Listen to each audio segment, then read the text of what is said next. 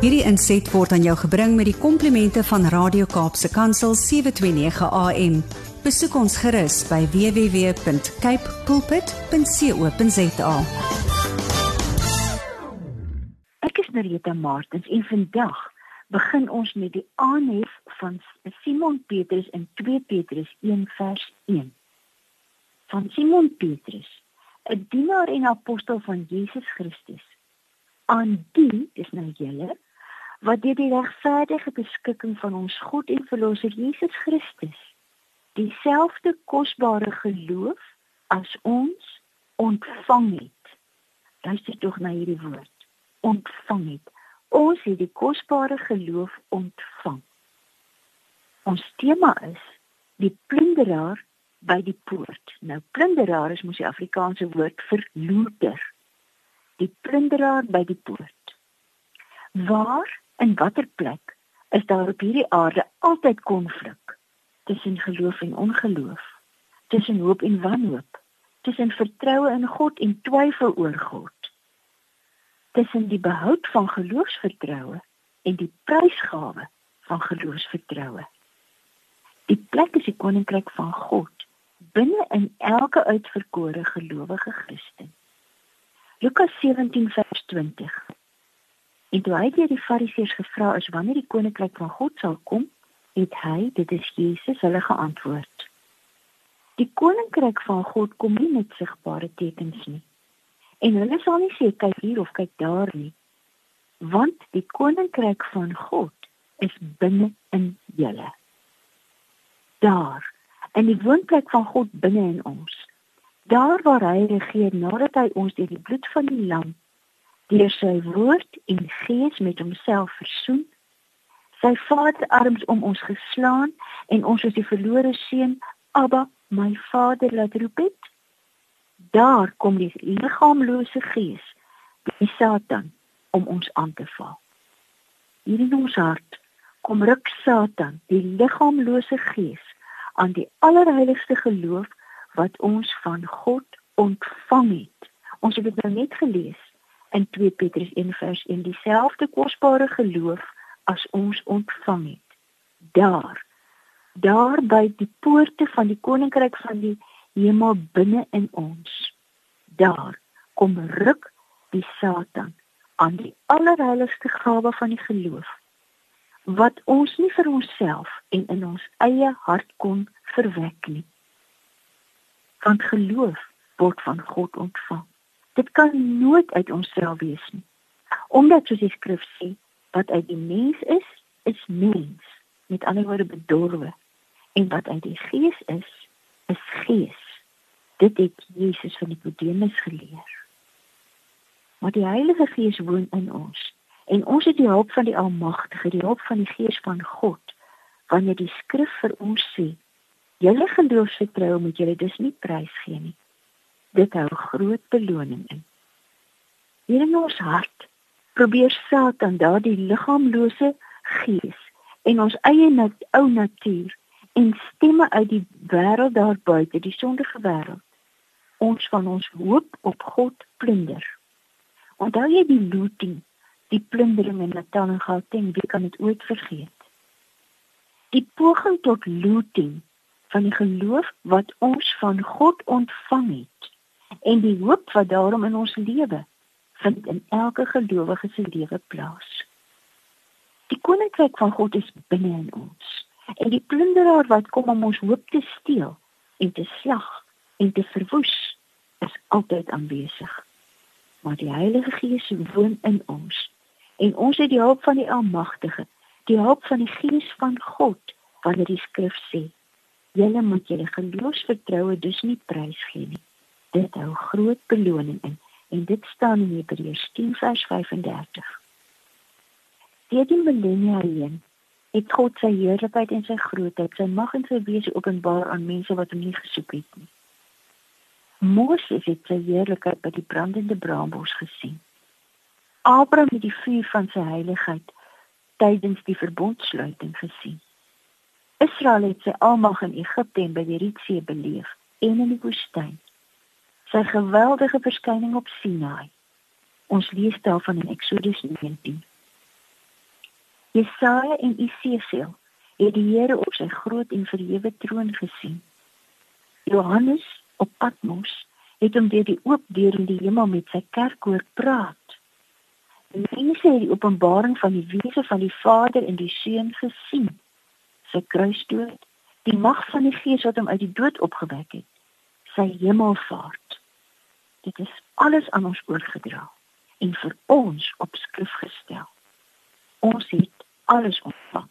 Alles. In van hierdie woord staan in die skrif geskryf dat dit totaal anders is as enige ander boek wat jy ooit sal lees. Soos wat God heel aan die begin alles in aansyn gespreek het, so spreek hy in en deur sy woord geloof en hoop in jou en my in aansyn. So gebeur geloof en hoop deur die Gees en deur die woord wat die skepings en herskepingswerk van die goddelike heilsplan in ons doen. Die woord waardeur ons geroep weergebore tot skuldbeleidnis en sekerheid van vryspraak kom. Die woord wat ons 'n nuwe lewe laat leef, die woord wat ons vertroos en tug en heilig. Die woord wat ons met hoop en blydskap, met vaste sekerheid en tot die bereidheid herskep om die wil van God te doen. Ons lees net 'n oomblik oor die woord. Hebreërs 4:12. Die woord van God is lewend en kragtig Dit skerper as enige swaard met twee snykante en dring deur selfs tot die skeiding van siel en gees en van gewrigte en murg. Dit beoordeel die bedoelings en gedagtes van die hart. Ons lees dit in die message. God means what he says. What he says goes. His powerful word is sharp, as sharp as a surgeon's scalpel, cutting through everything, whether doubt or defense, laying us open to listen and obey nothing and no one can resist God's word. We can't get away from it, no matter what. Ek lees dit ook in 'n verklarende 'n uh, verklarende teks, die nuwe lewende vertaling met toelichting, die oorspronklike manuskrip. Die woord van God, dit is die evangelie, die goeie nuus wat handel oor Jesus Christus. Die boodskap van die onverdiende goedheid van God, die boodskap van waarheid, Die boodskap wat tot die lewe lei, die die woord van die lewe is vol lewenskrag. Vol kragtige groeiende lewensveranderende waarheid, vol genade, vol suiwering, vol oordeel, vol verlossing en energie. Dit is aktief. Dit is skerper, dis meer effektief om die siel en gees van die mens oop te klief as 'n swaard wat twee skerp kante het. Dit sny diep tot binne in ons innerlike wese tot by die grens tussen ons emosies, denke en wil. Dit is ons siel en ons onsterflike gees tot in ons gewrigte en lig ons diepste menswees. Dit vlek ons diepste, mees verborgde, mees versluierde motiewe en oorwegings oop, ook ten opsigte van geestelike verslapping. En nou kan die tyd van die Satan, die plunderaar in ons lewe wees. Hier binne in ons, waar die koninkryk van God binne in ons is, kom ruk Satan die liggaamlose gees aan ons geloofsvertroue. Aan ons vertroue in God, aan ons geloof, ons hoop. En hoop is die vaste sekerheid dat alles wat God in sy woord sê waar is en sal gebeur. Wat is die Bybelwoord vir hoop? Dit is dit is 'n woord in Hebreëus, tekwa, letterlik 'n koord. 'n iets wat anker, iets soos 'n kabel. 'n Lewende verwagting en verlange wat nie ophou en breek en kwyn nie. Wanneer Satan aan ons Godgegewe geloof ruk, ruk hy ook aan ons hoop wat ook deur God gegee is. En wat is hoop? Dis daardie geduldige en volgehoue verwagting en verlange wat nie mag kwyn nie. Luister net hoe onlosmaaklik geloof en hoop met mekaar vervleg. As ek lees maar dit Psalm 71 vers 5. U Here is my hoop. Op U Here het ek van jongs af vertrou. Hoop en vertrou, vertrou die Ou Testamentiese woord vir glo almal in een in een sin. U Here is my hoop. Op U Here het ek van jongs af vertrou. Wat roep hierdie psalmskrywer uit? Hy roep uit en dit is hoe ons dit nou omskryf. In U Here vind ek sekerheid, U is my sekerheid. Op U Here het ek van jongs af al my vertroue gefestig. In U bestaan Here glo ek van jongs af. U is van my kleintyd af die kern van my geloof. Ons kan sê as ons dit so lees. Ek bely deur die werking van die Gees en die woord, drie enige God, U is die middelpunt van al my hoop, al my sekerheid, al my vertroue, al my geloof. My verlange na U is die koord wat ek in U krag nie laat breek nie. Dit is die tou wat deur my verbintenis met U intact is.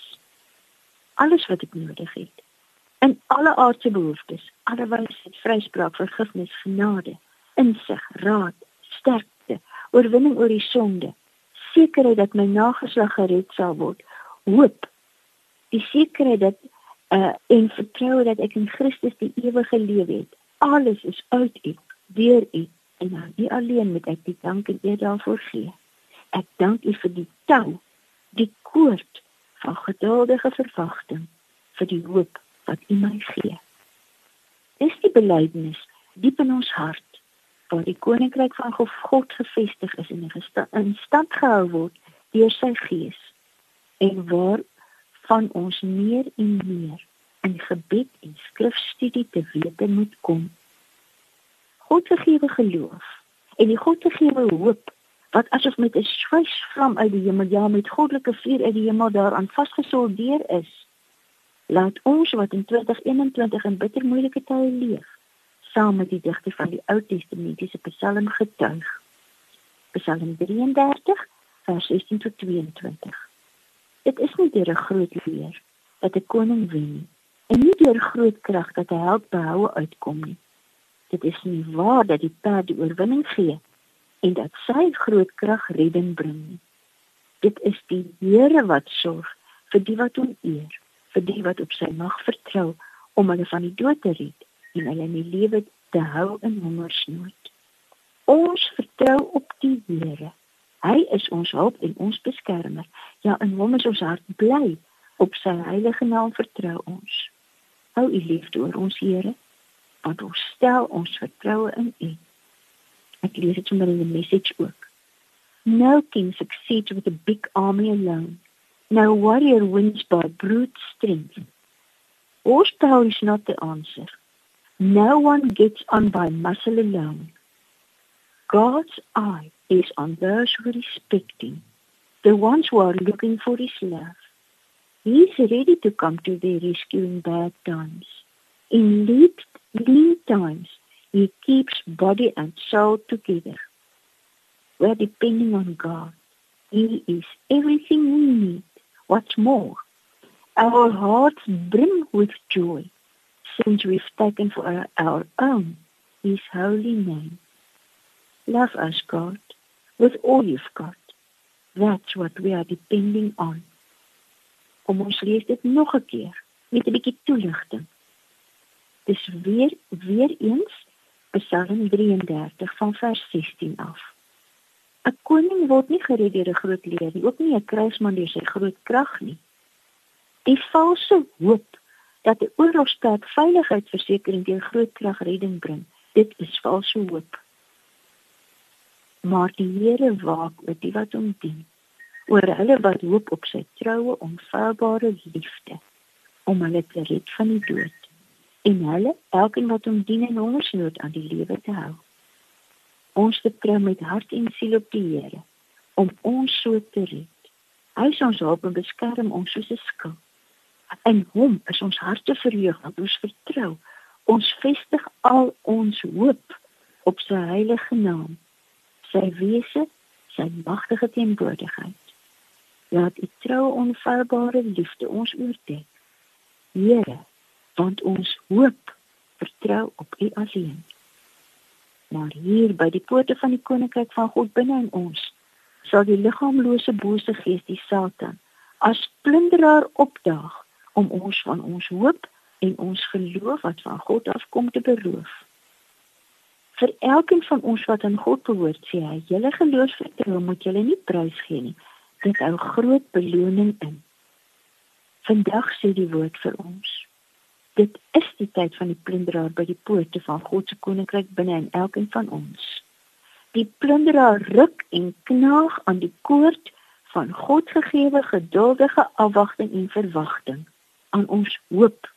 Hy ruk en bestorm die geloofsvertroue, die geloof wat net van God afkom en vir ons gegee word deur sy woord en gees. Maar vandag sê ek en jy vir elkeen en almal wat as plunderaars, as looters by die koninkryk van God binne in ons opdaag. Klaagliedere 3 vers 24 tot 25. Ek sê vir myself, die Here is my lewe. Daarom hoop ek op hom. Die Here is goed vir die wat op hom bly hoop. Vir die mens wat na sy wil vra. Kom ons lees nou oor hoop. Oor hoop op God, op geduldige, ons lees oor geduldige eenvoudige hoop, soos Abraham se. Daardie wesenskenmerk van elke gelowige. Daardie vier vas met vier vasgeswyste geloofsvertroue en hoop. Ons lees dit in die wonderlike onuitputlike brief aan die Hebreërs. Hebreërs 6 vers 11. Dit is ons vurige wen. Elkeen van julle eind uit in dieselfde ywer as vroeër die aan die dag sal lê totdat die dinge waarop julle hoop vervul is. Julle moet nie traag word nie. Maar die voorbeeld navolg van die wat deur geloof en geduld deel gekry het aan die dinge wat God beloof het die twee onveranderlike dinge, die belofte en die eed, waarborg dat God sy woord gestand sal doen en is vir ons wat ons toevlug tot hom geneem het, 'n kragtige aansporing om vas te hou aan die hoop op wat vir ons weggelê is. Hierdie hoop besit ons as 'n veilige en onbeweeglike lewensanker wat agter die voorhang sal vas is. Daar het Jesus ons voorloper ter wille van ons ingegaan en hy is vir ewig hoëpriester volgens die orde van Melchisedek. Kom ons eindig met 'n loflied, met lofprysing en 'n geloofsbelijdenis. Dit is in vers 24 en 25. Aan hom wat magtig is om julle van struikeling te bewaar en julle onbevlek en met vreugde sy heerlikheid te laat aanskou aan die enigste God ons verlosser dit Jesus Christus ons Here. Aan hom behoort die heerlikheid en die mag, die krag en die mag en die majesteit van alle ewigheid af, ook nou en tot in alle ewigheid. Amen. Hierdie inset was aan jou gebring met die komplimente van Radio Kaapse Kansel 729 AM. Besoek ons gerus by www.cape pulpit.co.za.